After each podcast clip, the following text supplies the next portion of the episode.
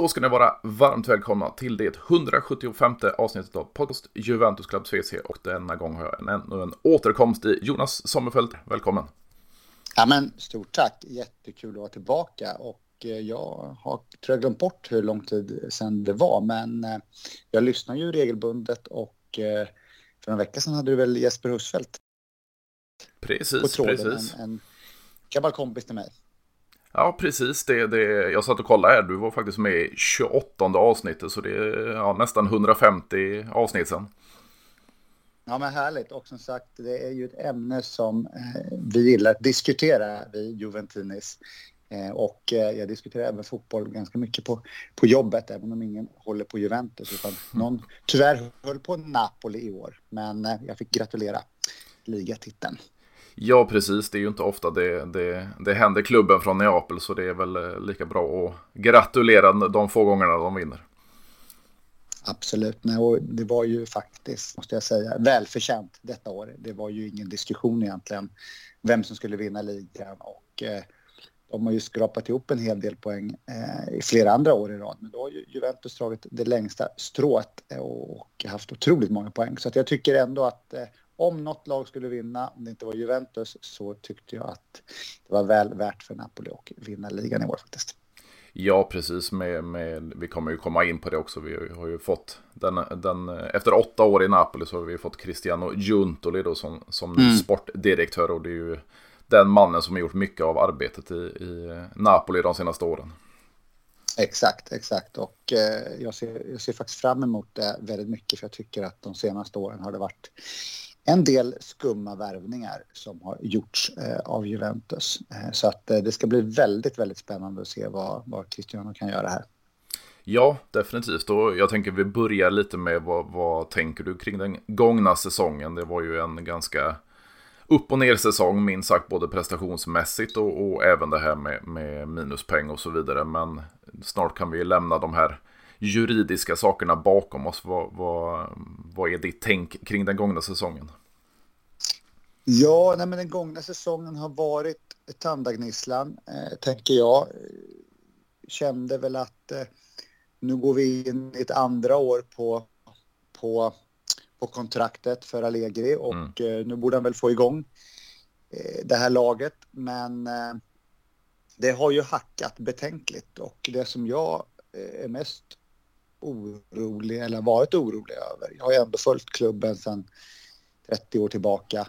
Eh, att det, det, var ju en säsong 2008-2009 tror jag, var också så här riktigt hackig. Man inte visste liksom, skulle de eh, åka på en förlust mot det här eh, i nedre halvan på tabellen eller ska de lyckas få ihop poängen? Eh, för så var det ju väldigt många år att de alltid skrapade upp de här poängen mot bottenlagen när de åkte en tråkig, regnig november eller december ner till södra delen av landet kanske. Mm. Eh, och plockade hem de där 1-0. Eh, bara för att det behövdes för att vinna ligan. Eh, Inter kryssade eller till och med förlorade ibland för de inte hade den här mentala styrkan och orkan hel säsong. Så, så har jag känt i år. Det här har varit en riktigt... Eh, inte så många höga toppar och eh, några riktigt djupa dalar. Och det, de djupa dalarna var ju framförallt tycker jag i Europaspelet. Mm. Åka på sådana här riktiga storförluster som, som vi gjorde och inte gå vidare i, i Champions League-gruppspelet och så vidare. Det, det kändes inte Juventus-aktigt. Nej, och det känns ju lite som, som du nämnde att Husfeldt var med för en vecka sedan och han nämnde ju också det här med, med att det känns som inte som en enhet längre, ett lag, utan det, det är komponerat av diverse individer och individuella spelare. Och det är ju lite det, man känner ju inte igen Juventus i det, det sammanhanget. Nej, nej, man gör ju inte det och eh, det har väl urholkats under ett par år, tänker jag, eh, där. Jag menar, Ronaldo som kom till klubben eh, räddade ju i mångt och mycket med sina han gjorde väl 101 mål eller något sånt där. Mm. Drygt 100 mål på 131 matcher. Så att jag menar nästan ett mål per match. Eh, och han räddade oss i mångt och mycket. Det började ju hacka redan då. Eh, egentligen kan mm. man ju säga med hans... Eh, med hur klubben inte spelade som ett, som ett lag. Eh, och eh, alla säger ju alltid, experterna inför varje säsong, Juventus har bästa truppen. Eh, och ändå när man tittar på, på spelet så, så är det långt ifrån det laget som spelar bäst. Eh, varken poängmässigt, eh, men, men, de är inte bäst defensivt, inte bäst offensivt. Eh, så att eh, det är ju någonting som, som har gått snett. Sen tycker jag att det är mycket bättre kämpaglöd eller grinta jämfört med, jämfört med ett par år sedan när, när vi hade Sarri som tränare mm. till exempel. Eh, eller Pirlo. Då tyckte jag att de kämpade ju inte ens. Och det är klart, det går inte att vinna några matcher om man inte kämpar. Det vet ju alla som håller på med lagsport. Eh, men Allegri har ändå fått intryck att de springer.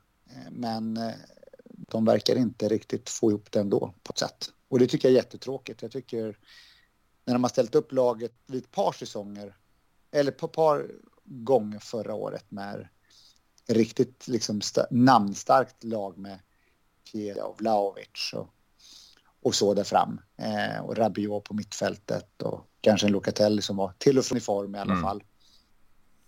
Eh, och eh, när backlinjen ändå var, var hyfsat bra där med, med, med, eh, med Bremer och Danilo och Kerstin i mål så tycker jag ändå så att ja, men det här laget ser ändå bra ut på pappret. Men lyckades ändå aldrig riktigt skapa många målchanser eller få någon bra spel. Utan det, det var en hackande maskin hela tiden. Så det, var, det är min konklusion från hela förra året. Man, man visste aldrig hur varje match skulle gå. Man visste bara att det inte skulle bli några enkla vinster. Det var det enda man visste. Och innan vi hoppar in på, på lite transfermarknad och så vidare. Vad tänker du kring det här? Du, du nämnde backlinjen där. Jag tänker förutom en Gatti, förutom en, en, Bonucci då så har vi ju nästan haft en brasiliansk eh, försvarstrio då med, med, Danilo, Bremer och Alexandro dessutom. Och gå då från ett, ett BBC med, med Basagli, Chiellini, Bonucci till, till en brasiliansk trio. Det, det känns inte likt Juventus heller. Vad, vad, vad tänker du där framöver dessutom? För Alexandro håller ju inte nivån och man, man hoppas ju att man kan, kan få bort honom från, från truppen trots den automatiska förlängningen. Bremer är fortfarande mycket flyktrykten. Det har kommit nu med Bonucci då som eh, kan få, få, lämna för det har ju varit Newcastle eller eh, Saudiarabiska ligan och MLS och lite allt möjligt. Vad, vad tänker du framöver med, med Juventus försvar?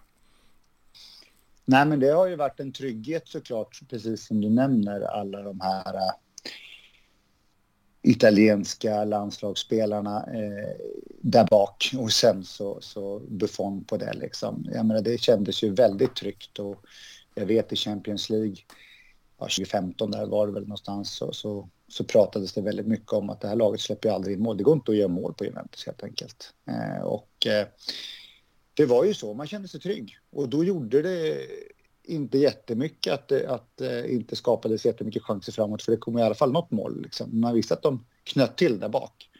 Men så har det ju inte varit i sista säsongen, utan det kan ju ha eh, gått in både en och två, och tre och fyra mål ibland. Eh, sen har det gått bättre under perioder under säsongen, tycker jag. Men, men jag tänker väl så här, Alexandro hade ju ett bäst före-datum redan för ett par år sedan. Mm. Jag tycker det är fascinerande att han under i år vid i alla fall ett par, tre tillfällen helt själv har lyckats skapa baklängesmål mm. med att tappa bollar eller spela till, eh, till, till motståndarlaget. Det är, det är fascinerande på den här nivån att man inte då blir totalt bänkad och inte ens får komma in. Eh, så att han var det ett par år sedan i alla fall. Och eh, på högerkanten där så, så De Chilio har väl aldrig liksom varit någon stor favorit eh, men ändå gjort liksom jobbet till och från. Och Quadrado är ju en eh, osäker spelare bakåt. Man vet aldrig riktigt. Han är inte lika, han har inte varit lika dålig bakåt som, som, som Alexandro men ändå varit, man vet inte riktigt. Eh, men framåt måste jag ändå säga att jag tycker fortfarande att han har saker att ge. Så jag, jag är lite, lite besviken, eller tycker det är tråkigt att han faktiskt eh, har slutat i klubben nu. Eh, måste jag ändå erkänna. Att jag mm. tycker att när han var på spelhumör, då han har ju fortfarande en otrolig speed. Han kan ju ta sig förbi vem som helst egentligen med sina kroppsfinter och sen gå in och skjuta eller göra ett inlägg. Så att, ja, jag tycker att eh, som backupspelare under, under säsongen i mer offensiv riktning så skulle jag nog vilja haft med honom.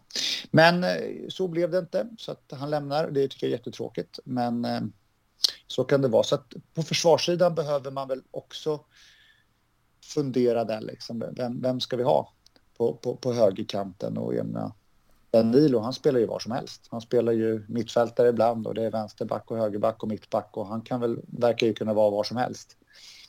Eh, men Alltså, man skulle vilja ha någon utpräglad som kan verkligen liksom cementera den här både vänsterkanten och högerkanten liksom om man ska ha fyra där bak. Eh, om det är det man ska gå på eller om man ska jobba med de här tre. Och ska man jobba med tre där bak då måste jag ändå säga att Bremer har ju verkligen varit duktig. Eh, och Gatti känns ju som en, en, en ung Chiellini.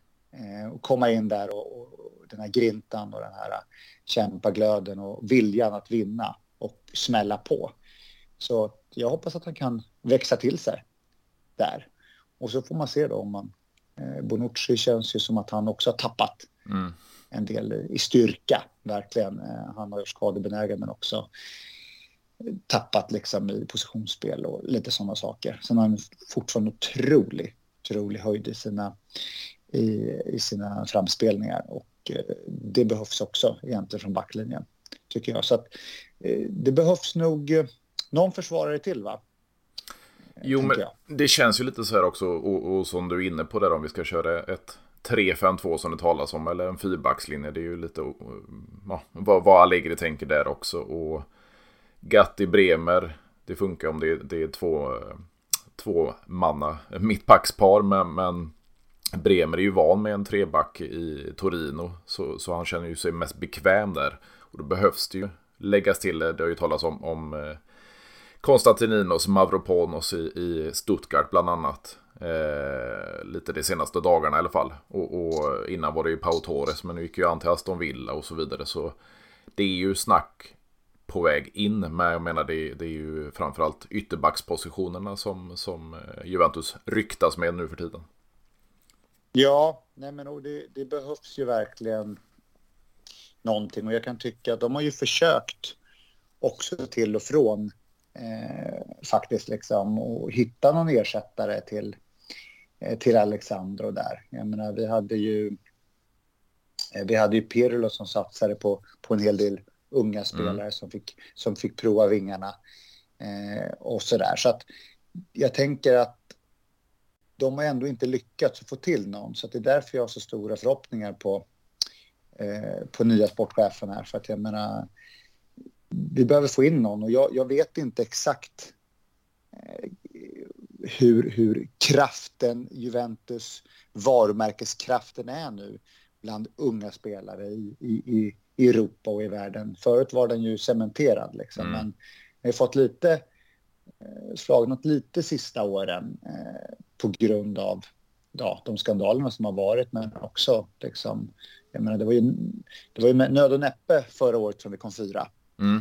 Eh, faktiskt. Och, eh, och eh, i år ska vi inte ens prata om det. Nu vart det i och för sig 10 minuspoäng då. Men, men sjua är ju inte Juventus-likt eh, såklart. Eh, och framförallt Europaspelet som inte var någonting att och, eh, sälja in såklart till, till unga spelare. Kom till Juventus liksom. Så att eh, jag vet inte hur, hur, kraften, attraktionskraften är längre faktiskt.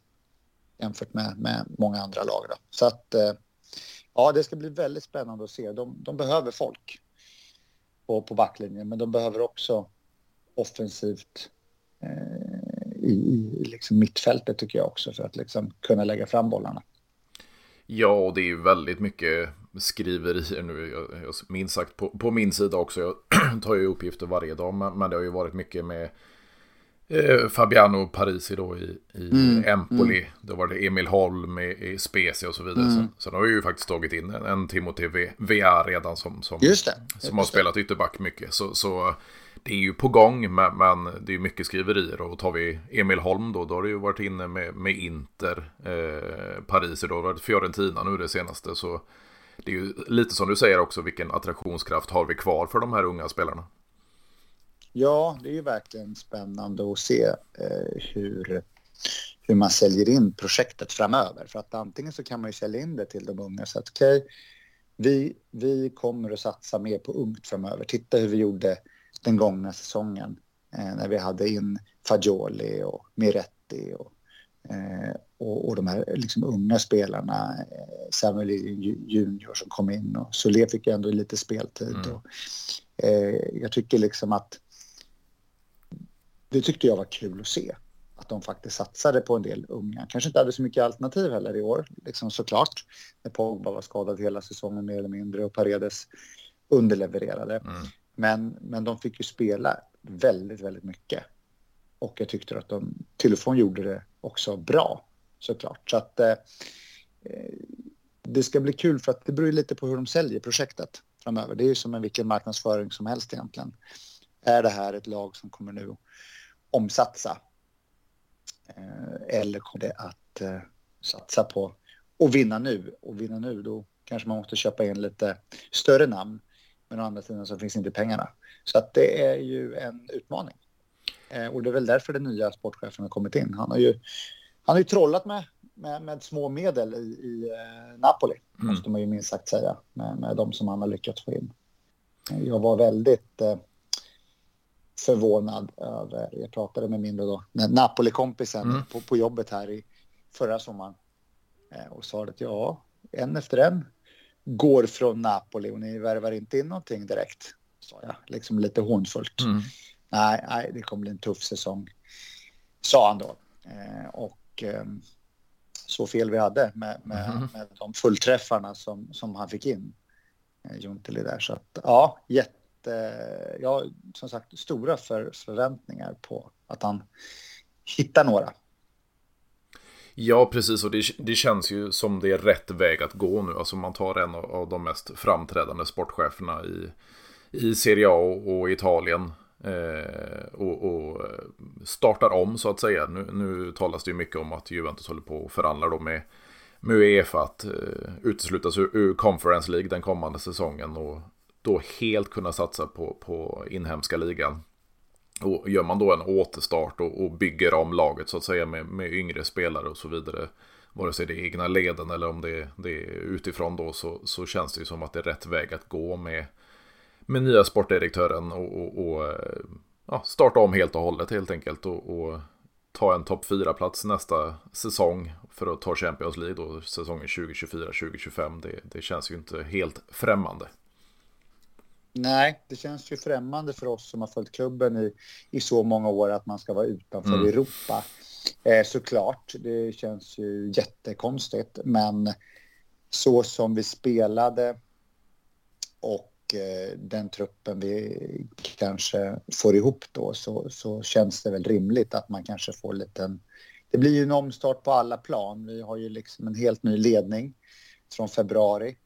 Vi eh, kommer att liksom behöva bygga om laget här lite grann. Så att det kanske känns skönt att få, få lite lugn och ro. Eh, kostnaden är ju en miljard mm. liksom, i mm. alternativkostnad eh, som man inte får in i, i, intäkter från Champions League. Så att det är ju rejäl kostnad. Eh, så att där tycker väl jag att det är mer för pengarnas skull. Jag hade inte räknat med att gå så långt i Champions League men, men, men i alla fall gå till, till någon form av kvartsfinal i alla fall så man kan få in lite, lite pengar för att satsa vidare hade ju varit, varit trevligt. Men mm. ja, nu blir det eh, en sju, sjunde plats och eh, förmodligen kanske inget Europaspel alls då med det. Och eh, det är ju tråkigt men eh, ibland så behöver klubbar restarta. Vi har ju flera exempel på det. Vi har ju Manchester United som mm. i flera, flera år inte var med i i Champions League. Vi har ett Arsenal som väldigt många år också missade Champions League. Eh, så att det är klart att eh, det finns klubbar, stora klubbar runt om i Europa som också inte har varit med där eh, och fightats. Så att eh, ja, jag ser verkligen fram emot en, en spännande sommar här. Eh, och tittar ju på nyheter flera gånger om dagen för att se vilka nyförvärv som kan dyka upp. Ja, och det, det känns ju om vi hoppar, hoppar fram en, en position i, i, i, laget där om vi tar mittfältet. Vad, vad tänker du kring en eh, förlängning med, med Adrien Rabiot då? Det blir ju samma lön ett år till. Eh, vad, vad tänker du där? Ja, men Adrian Rabiot Eh, är ju en sån här spelare som år efter år alltid har platsat, alltid spelat eh, och eh, man har varit lite förvånad över att, för jag tycker inte han sticker ut på, på någon liksom direkt parameter.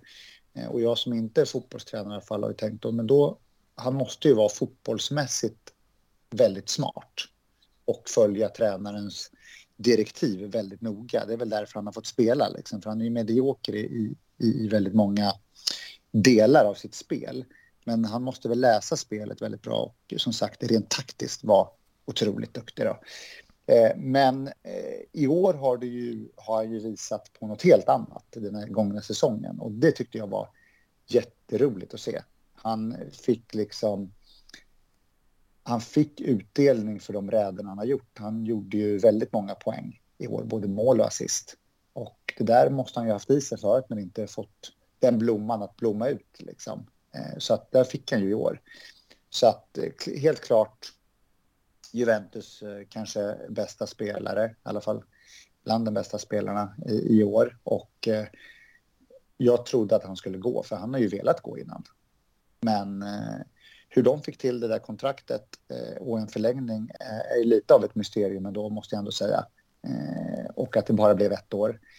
Så det känns som att han är kvar. Men frågan är varför han är kvar när de ändå inte är med i Champions League, om det är det han vill. Så att, ehm, eh, men jag är väldigt glad. Han, det var en viktig pusselbit. Han är enormt viktig för laget nu för tiden. Så att eh, jag blev glad att han förlängde. Och hoppas att det kanske var liksom ett, en förlängning för att se var i klubben nästa år. För då får han mycket, mycket större chans att se var är vi och då kanske skriva på ett längre kontrakt. Så att han gick ändå ut på sociala medier och sa att jag är liksom Juventus i hjärtat och den här mm. klubben. Jag har vuxit upp, eller vuxit upp, men blivit liksom den här riktigt bra spelaren.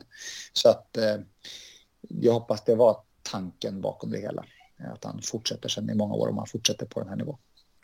Ja, och sen så känns det lite så här med, med tanke på förlängningen då med Rabiot. Man, man får tillbaka en, en Nicolo Rovella. Man har en Pogba som, som eh, nobbar bud från, som, från Saudiarabien. Positionen då framåt, en, en offensiv Metsala. Eh, det är väldigt mycket, återigen, det har väl varit de, de senaste fem åren kanske, men, men eh, Sergej Milinkovic Savic då, mm. som, som mm. diskuteras väldigt mycket i dagarna och jag såg en, en intervju innan vi tryckte på räck här med, med Claudio Lotito, då presidenten i, i Lazio som sa att eh, jag vill ju förlänga med, med SMS men, men eh, han vill lämna och, och, jag behåller inga spelare som vill lämna. Så det, det, är väldigt mycket rykten nu. Vad, vad tänker du där med tanke på att vi, vi kan erbjuda då en, en Nico Rovella som jag absolut inte vill bli av med? Nej, det är ju... Eh det är ju så eh, att man får, jag menar har man råd att ha kvar båda så vore det optimalt. Men har man inte det så måste man välja och då är frågan, ska man välja lång sikt eller kort sikt? Eh, Rovella är, är, ju, är ju yngre och framtiden för sig på ett annat sätt. Eh, men, eh, men sms är ju liksom, har bepröv, är beprövad sedan många år tillbaka att han är väldigt duktig eh, på mittfältet. Så att eh, jag tror det är lite vilken väg de vill gå också. Eh, och de kanske inte kan satsa bara på unga spelare för det är kanske för, för ung trupp i Juventus. De vill ju ändå vinna fortsatt framöver. Så att, eh, svårt skulle jag vilja säga. Eh, det har ju pratats om, om flera unga spelare som ska gå till andra klubbar också. Jag menar Miretti och eh, Samuel eh, Illing Junior där liksom. Mm. Att de ska ut på, på, på andra äventyr. Och eh, jag har ingenting emot om de går på lån för att eh, som sagt Rovella för att få eh, lite speltid och få lite Serie A eh, spel, speltid i benen. Men eh, att sälja någon, några unga lovande spelare känns ju, känns ju inte läge, tycker jag. Nej, och det känns ju lite så här också, som du var inne på då, att man ska behålla, man kan inte behålla alla spelarna, men jag menar, får man bort eh, Artur Melo då, det blev troligtvis på, på ännu ett lån då, men man kan få sålt en, en Danny Zakaria som är på väg till West Ham och en Weston McKennie då, det talas ju Brighton, det är, vad var det, Aston Villa, det var Borussia Dortmund, Galatasaray och så mm. vidare. Kan man bli av med, med lite dödkött och få in lite kapital, eh, då få in en, en Luca Pellegrini som redan är på lån i, i Lazio och, mm. och lägga till, om det är nu 35-40 miljoner euro som, som Lotito vill ha så då, då, hade jag hellre lånat ut som du var inne på en, en Fabio Meretti för att få lite erfarenhet så har man både Rovello och SMS i, i truppen. Ja men absolut och jag menar Meretti fick spela väldigt mycket förra året. Jag tyckte att man märkte att han orkade inte en hel säsong. Mm. Eh, men jag tyckte att han var jättebra eh, i väldigt många matcher. Eh, så att, eh, att, att han ska behöva sitta mer eller mindre på bänken i så fall under året skulle ju kännas liksom inte så bra. Så att ut med honom som Rovella, ut på, i någon klubb där han får, får vara helt ordinarie under året skulle väl vara perfekt egentligen. Ja, och det känns ju som vi har många av de här. Det, vi kommer väl inte riktigt få plats på, på ett mittfält vare sig det blir ett tvåmanna mittfält eller tremanna mittfält. Och om vi tar in en, en Milinkovic Savic, vi har en Rabiot som vi förlängde med. Kan Poba ta sig tillbaks. Eh, vi har en Locatelli och sen kommer alla yngre då med, med Rovella, mm. Fagioli och så vidare. Så, så få plats och, och göra alla nöjda dessutom som inte får speltid. Det, det kommer bli en utmaning. Ja, men verkligen. Och jag tror att eh det ska ju mycket till att Pogba är skadad en hel säsong igen. Mm. Så att eh, han kommer säkert tillbaka och som sagt Rabiot har skrivit på är, är eh, liksom eh, verkligen en startspelare så att eh, de och sen så kanske sms och Locatelli tycker jag faktiskt inte har varit så bra som jag, som jag hade förväntat mig när han kom. Eh, utan där finns det lite övrigt att önska. Men jag, jag, man har ju sett att han har höjden både i landslaget eh, när han spelat och, eh, och eh, i Sassuolo där innan. Så att han, ja, jag hade förväntat mig mer från honom.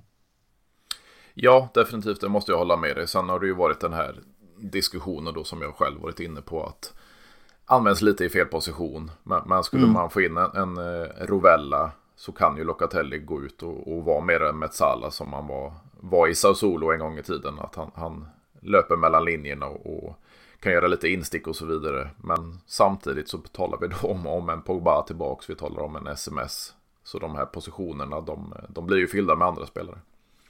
Ja, eh, absolut. Men, men och jag håller med dig. Menar, man måste ju alltid spela på, på den positionen som man, som man är bäst på. Så att säga. Jag menar, men han är också en av dem, tycker jag, ändå som har haft otroligt Eh, bra energi och verkligen mm. jobbat under året. Som sagt, tittar man tillbaka på ett par, tre år tillbaka när hälften av truppen joggade fram, liksom, eh, mer eller mindre, så är det ju en stor skillnad nu med, med eh, som sagt, Gatti, eh, Danilo, Locatelli, Quadrado, Rabiot, eh, Miretti, Chiesa och de här som verkligen Milik, alltså alla bara springer. Alltså hur mycket som helst. Och det, det måste man ändå uppskatta eh, som, som, som fans att du ska kriga för dina färger. Liksom. Och har man en dålig dag så får man i alla fall kriga för att det ska liksom bli bra.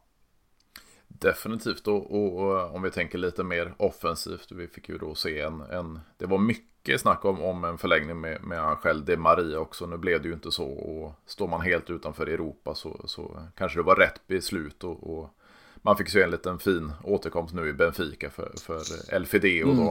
Eh, men tycker du att det var rätt beslut att inte förlänga? Ja, men alltså det är svårt att veta vart motivationen är såklart. Men, men eh, och det, det är alla, det är för olika spelare, men det är klart att åka och spela eh, borta som sagt en, en, en regnig januari i, i något, i, mot någon, någon mellanlag kanske inte Di Marias starka sida. Eh, han hade ju en enorm höjd, i, tycker jag, i Europa och visade på den till och från.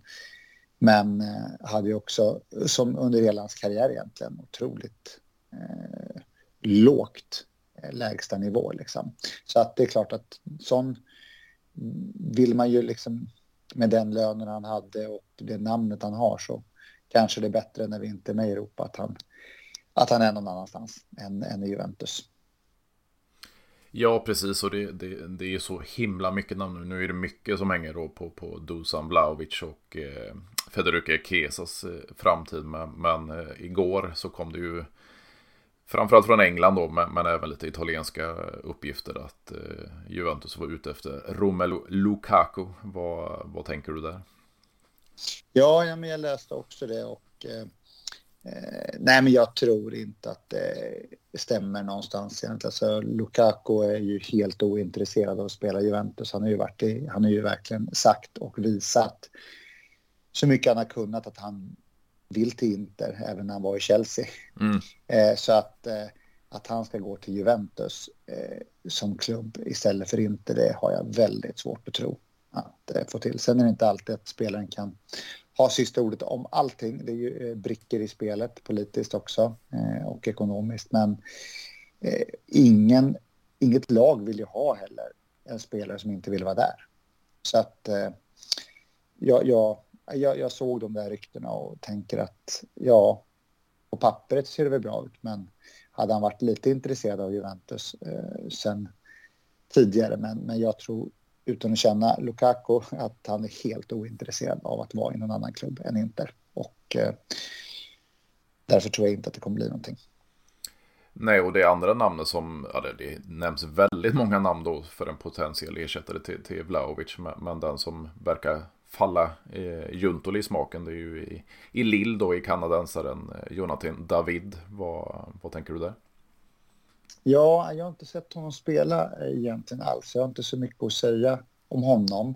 Men eh, jag tycker också att om man tar Dusan Vlahovic så tycker jag att det är lite orättvist eh, mot han. Han har inte presterat på den nivån som, som han gjorde i Fiorentina. Men eh, jag tycker heller inte att Juventus har haft de spelarna för att leverera fram bollarna till honom.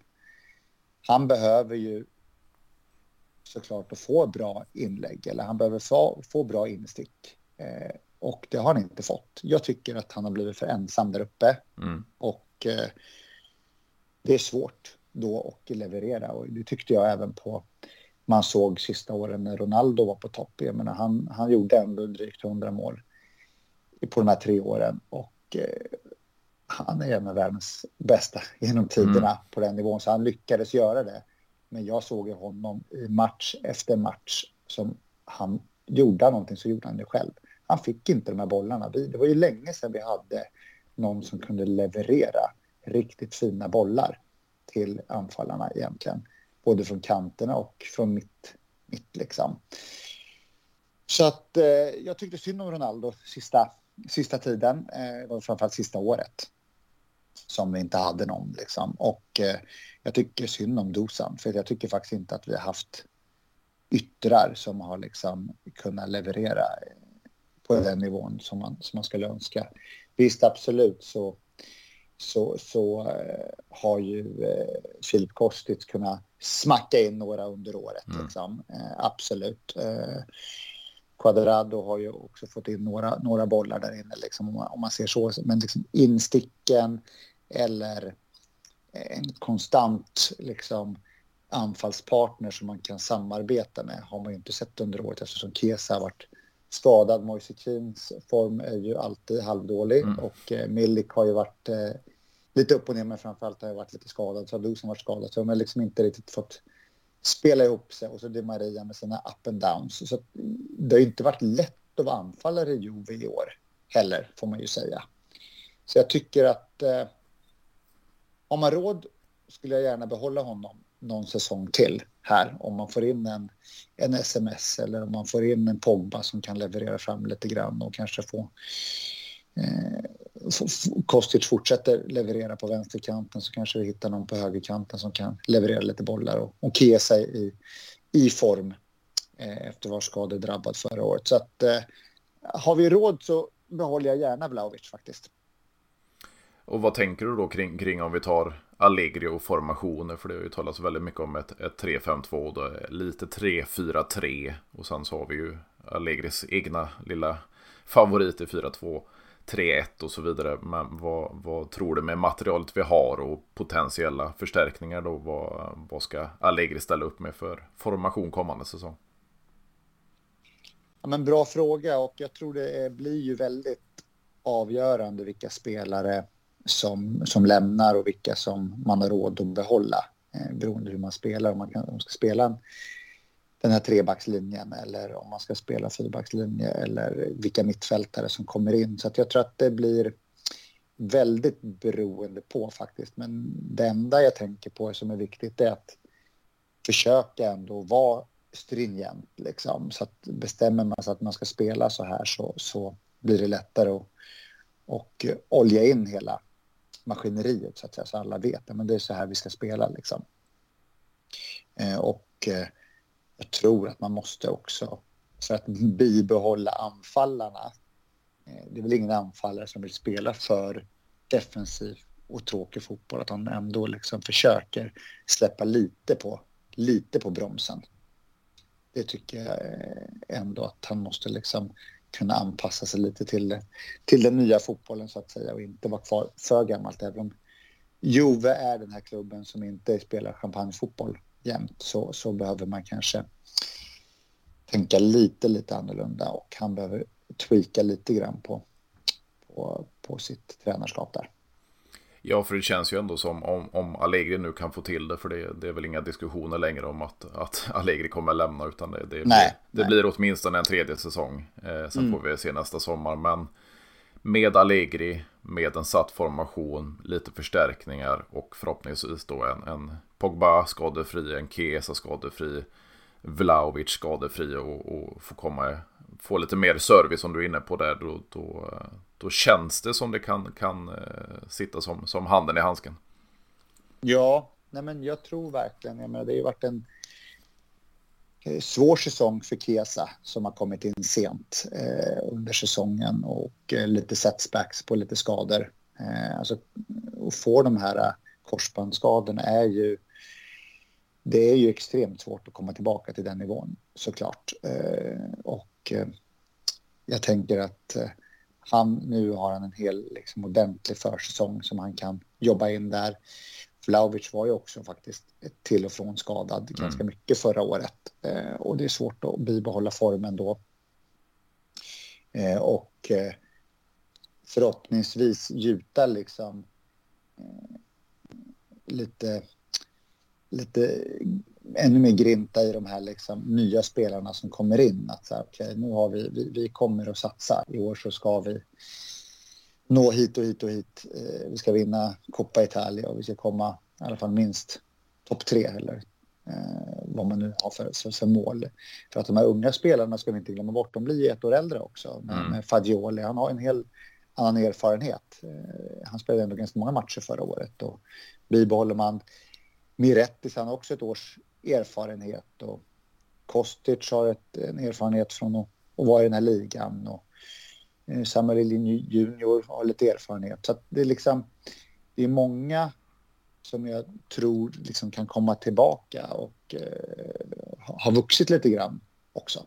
Och kan man ta bort lite de här spelarna som kanske var lite besvikna då. Jag menar, ta Leonardo Paredes där mm. liksom. Mm. Så han satt ju mest på bänken och hur roligt det är att vara världsmästare. Mm.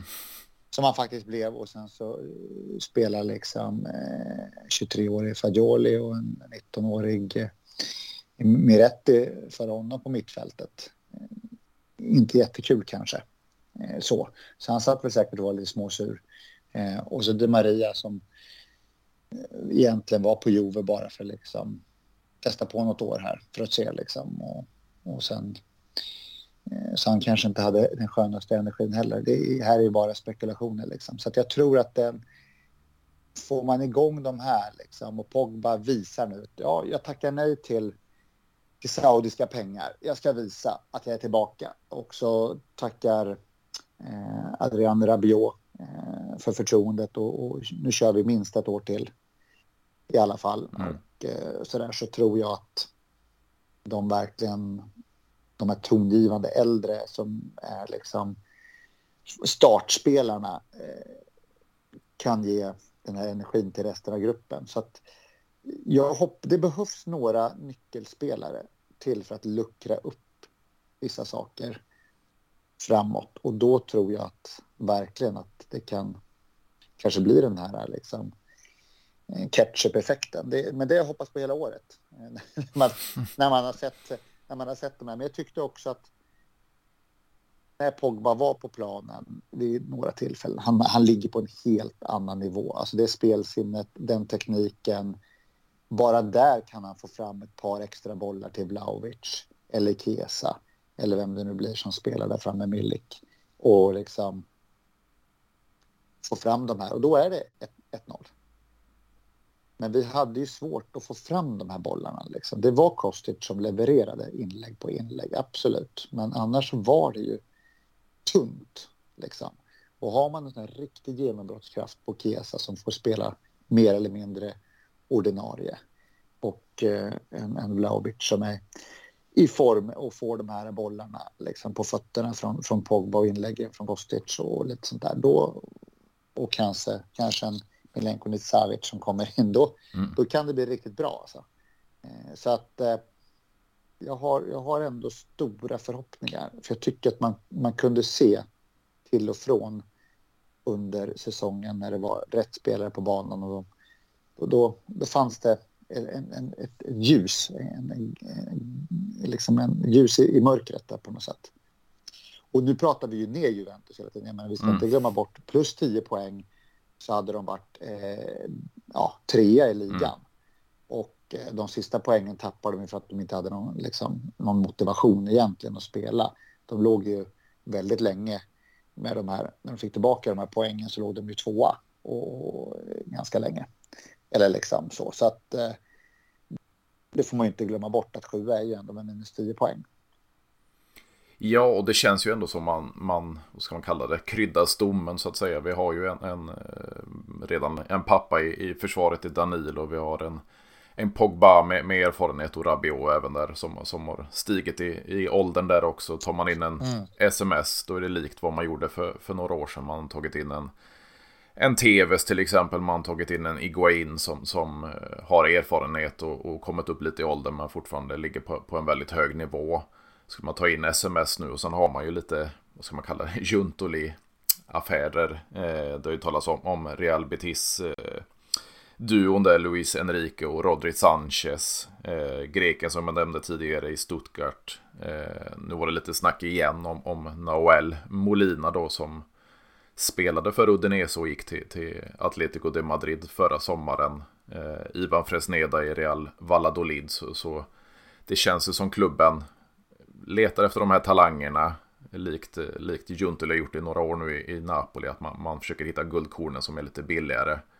Och krydda då en, en, en färdig stomme i Juventus med, med lite pappafigurer lite överallt på, på fotbollsplanen. Så det känns ju som man är på, på rätt väg åtminstone. Ja, nej men det tänker jag. Och jag, jag tror att misstaget de inte får göra, hoppas jag, det är att jag menar, släpper de Bonucci, släpper de, det pratas ju ändå inga, inga, inte jättemycket, men lite om, om, om målvakten Kersny, mm. liksom, eh, om han ska lämna och Bonucci och även om Alexandro eh, behöver släppas så, så, jag menar, det är ju extremt många, och Quadrado har ju redan bestämt sig för att lämna här så att säga.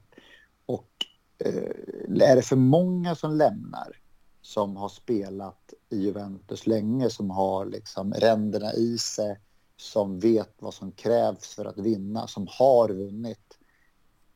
Det är inte heller bra. Nej.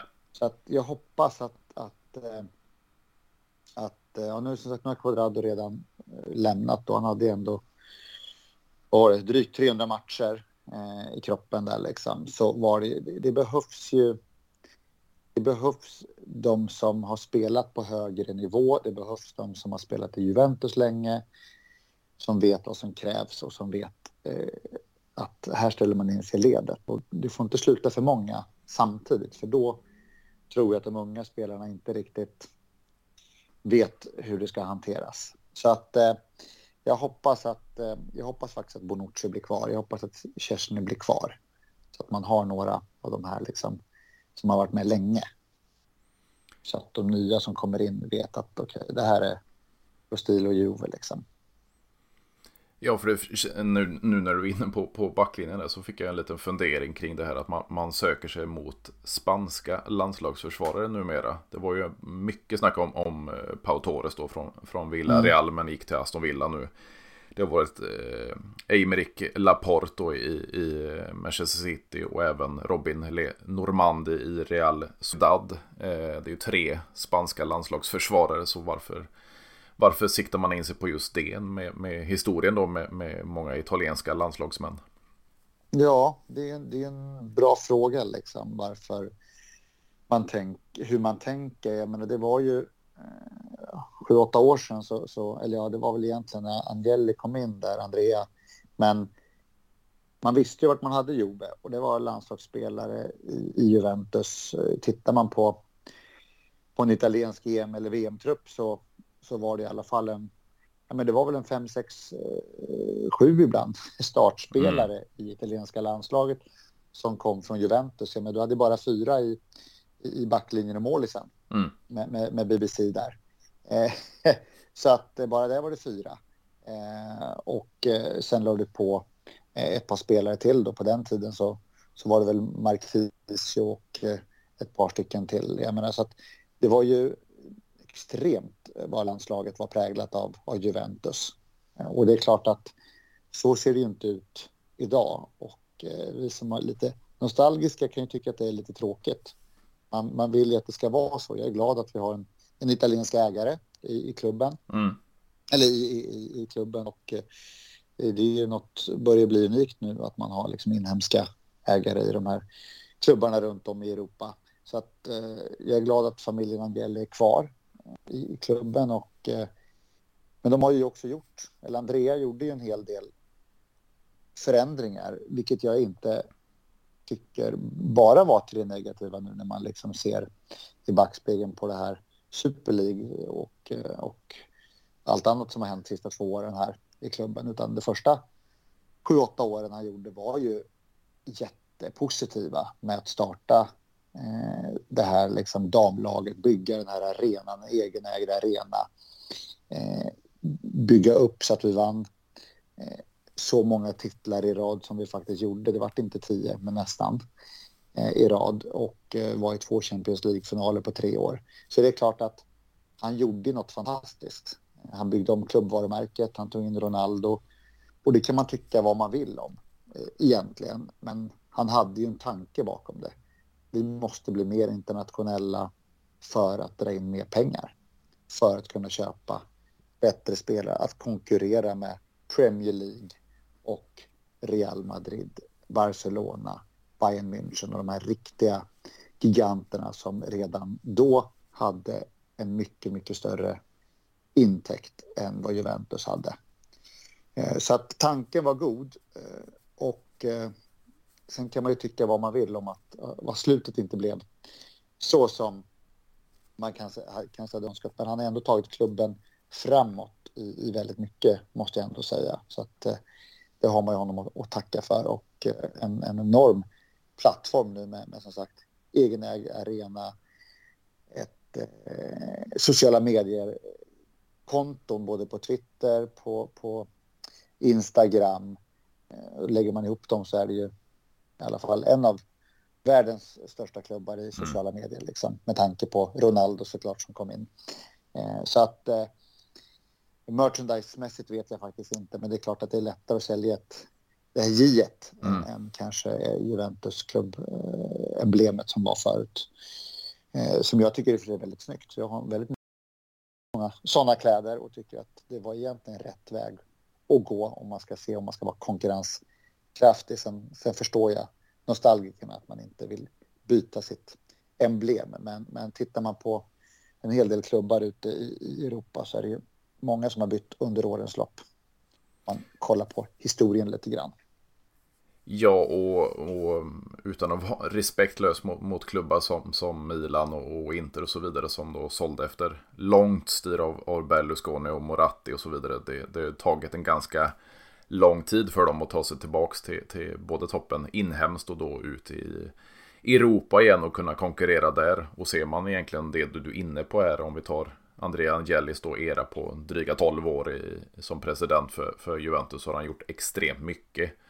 Och ser man nu senaste, vid, vid årsskiftet kan vi ta till, till 2023, då, då är det ju en revolution i klubben. Alltså hela styrelsen med, med Andrea Angeli och Nedved och så vidare har, fick säga upp sig på grund av det, det som har hänt. Man har satt en ny, ny president, man har en ny vd, man håller på att tillsätta en hel styrelse. Man, man anställer då Juntoli som en eh, ny sportdirektör i en ny era. Man, man tar upp Giovanni Mana då från Next laget och får, får arbeta på marknaden för seniorlaget. Man tar tillbaka en, en Claudio Chiellini då som får, får mm. sportchefa mm. i Next och så vidare. Så man håller ju på. Det, det är ju av en, det är en revolution i, i klubben som ska starta en ny start och, och det, det, det, känns som det kommer inte ta lika lång tid för Juventus att göra den här revolutionen än vad det gjort för, för tidigare eh, nämnda eh, italienska storklubbar så att säga.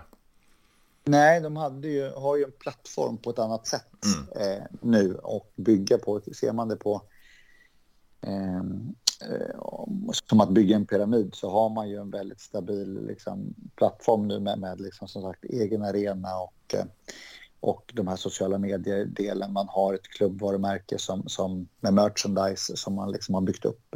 Eh, och så har man ju redan sen, sen många år tillbaka eh, en, en fanbase eh, som är stor. Jag har alltid varit Italiens största fanbase, men, men börjar ju sakta men säkert ute i, i världen också bli, bli större och större. Så att det är klart att eh, det är ju en bra foundation att bygga på jag ser verkligen fram emot eh, de här små tweakarna som man ska göra för att komma tillbaka till att eh, vara eh, ledande i italiensk fotboll men också ute i Europa. Men, men ute i Europa ligger vi ändå några steg efter måste jag nog ändå säga när man ser laguppställningarna i Champions League-finalen eller semifinalerna så mm. tycker jag ändå att det där känns, även om det var italienska lag Eh, inblandade mm. Eh, så, så, eh, så måste jag ändå säga att, att det känns ju som att de, de andra lagen som finns där ute med, med eh, Real Madrid och deras, deras lagbygge och Manchester Citys lagbygge. Eh, det är ju ändå extremt starka lag när man tittar på spelare för spelare och truppen. Så att, eh, och Bayern München som, som alltid, alltid är starka, den maskinen. Så att det, det, det, ska bli väldigt spännande och jag hoppas ju och tror att det kommer att vi kommer komma tillbaka. Hoppas som sagt snabbare än, än inte. Så att eh, nej, det ska bli. Jag ser verkligen fram emot den här säsongen med helt ny ledning och ny sportchef och, och allt det där. Eh, men det ekonomiska är ju ett är ju ett hinder, men det är ju inte bara för oss utan det är ju för, för alla klubbar som inte har de här eh, arabiska pengarna som kommer in. Ja, precis. Vi får ju faktiskt inte glömma att även fast Andrea Angeli inte sitter på presidentposten så ingår han ju faktiskt i familjen som äger klubben och, och eh, kusin John Elkan då på, på vd-posten i, i holdingbolaget Exor. Så, så eh, helt har ju inte Angeli lämnat oss heller och, och det talas ju det har ju varit lite spekulationer då om, om försäljning av klubben, men det känns som det är lite substans i detta. Men, men det kan ju komma in lite mer minoritetsägande och investeringar i klubben som är helt klart välkommet efter ganska många år nu med, med minussiffror i böckerna så, så äh, känns det som att man, man behöver en liten skjuts på hjälpen och, och ser man dessutom tv-intäkterna då Premier League, La Liga, eh, Bundesliga, Liga e och, och Serie A så är det ju hästlängder. Det är astronomiska skillnader på, på intäkterna i de här ligorna också. Ja, och det är ju enorma intäkter de har i tv-pengar liksom och eh, sponsoravtal. Men, men och nu är inte jag superinsatt eh, i Financial Fair Play Eh, jag var det för några år sedan, men jag måste ändå säga att det är ju lite fascinerande hur eh, de här vissa klubbar som eh, Chelsea och de här kan handla så extremt mm. mycket spelare utan att, utan att bli straffade på något sätt. Nu var de i och för sig straffade för ett par år sedan, va? Men, men jag menar, han handlade väl jag kanske säger fel, men handlade inte den nya ägaren i Chelsea där för typ 8 miljarder förra året? Eller sånt där. Det var ju någon så helt eh, astronomiska mm. summor. Mm. Mm. Jag förstår inte riktigt, det känns ju som de italienska lagen i alla fall försöker hålla sig till Fifa Financial Fair Play. Men, men de engelska lagen här i, i liksom eh, City och Chelsea och, och några, även om de har väldigt mycket bra intäkter, eh, känns inte som att de jag vet inte. Jag, jag, jag, måste säga att jag är lite förvånad över att de, att de klarar sig undan de här reglerna. Eh, för även i spanska ligan har de ändå med sin inhemska regelverk där så liksom försöker de ändå hålla sig både Barcelona och, och Real liksom mot, mot förut. Mm. Eh, och eh, så att jag vet inte, det är de engelska klubbarna som bara kör på nu. Newcastle och Chelsea och City och och sådär.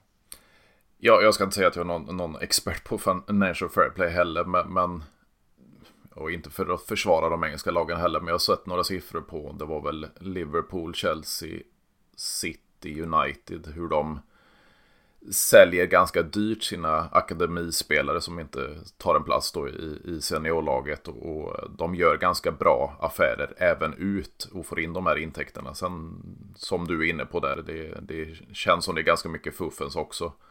Och sen håller ju Fifa på att rätta till de här. Det var ju som Chelsea gjorde nu som du nämnde att man skrev åtta och ett halvårs kontrakt på spelare för att sprida ut kostnader och så vidare.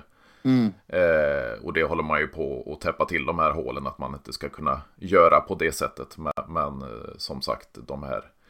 Och sen är det ju med, med nytt ägarskap också. Då, då går man väl in på en ny två, tre års period att man ska få in de här eh, intäkterna då efter utgifterna. Så, så tar vi Newcastle till exempel så är det ju ett hyfsat nytt ägarskap. Så då, då börjar man på en ny, ny räkenskap så att säga. Så, så det finns väl vissa kryphål i det här systemet också. Men som du är inne på, de här engelska klubbarna, de verkar kunna spendera hur mycket de vill.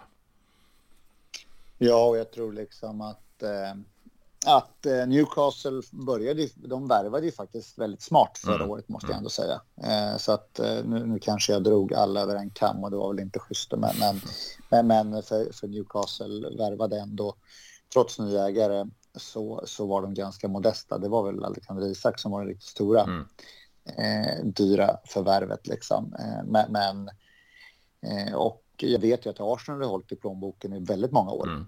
Eh, för att inte liksom eh, spendera och eh, byggt upp en kassa där så att, så att nej men det är väl gamla klassiska PSG och och Chelsea och några som man är lite förvånad över. Men som sagt, det har funnits kryphål. Jag vet att sponsorintäkter har man kunnat skriva på ett visst sätt mm. och sådana här saker. Så att, eh, jag hoppas att de, de tätar till de här hålen till höger och vänster. För jag menar, ser man på Juventus ägarstruktur där så har vi ändå Exor eh, som står för ja, två tredjedelar av, av eh, aktiekapitalet. Mm. Och eh, det är ju ett, eh, ett eh, ett, bolag som eh, går extremt bra.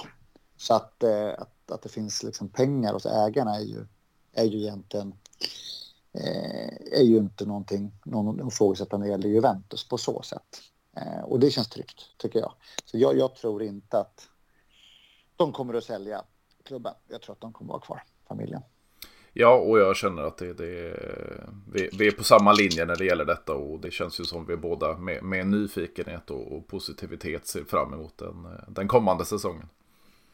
Verkligen. Nej, men jag är superladdad och eh, jag har en dotter som är tio som brukar få vara med och titta på matcherna på, på, på datorn när vi ligger i sängen och eh, så säger de så här, nej men nu, nu pappa, nu, nu, nu vill jag att vi tittar tillsammans på fotbollen här och så kan jag somna efter för halvlek. För för att inte vara vaken längre. Och så sa jag att jag skulle vara med i podden idag och sa, nej men kan inte jag få vara med?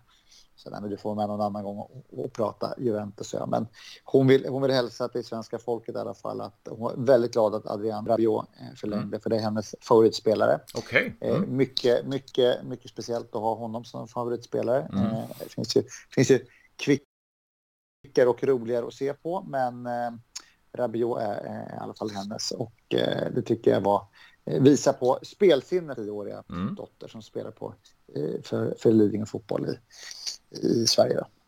Jag får hoppas bli en framtida Juventus Women-spelare.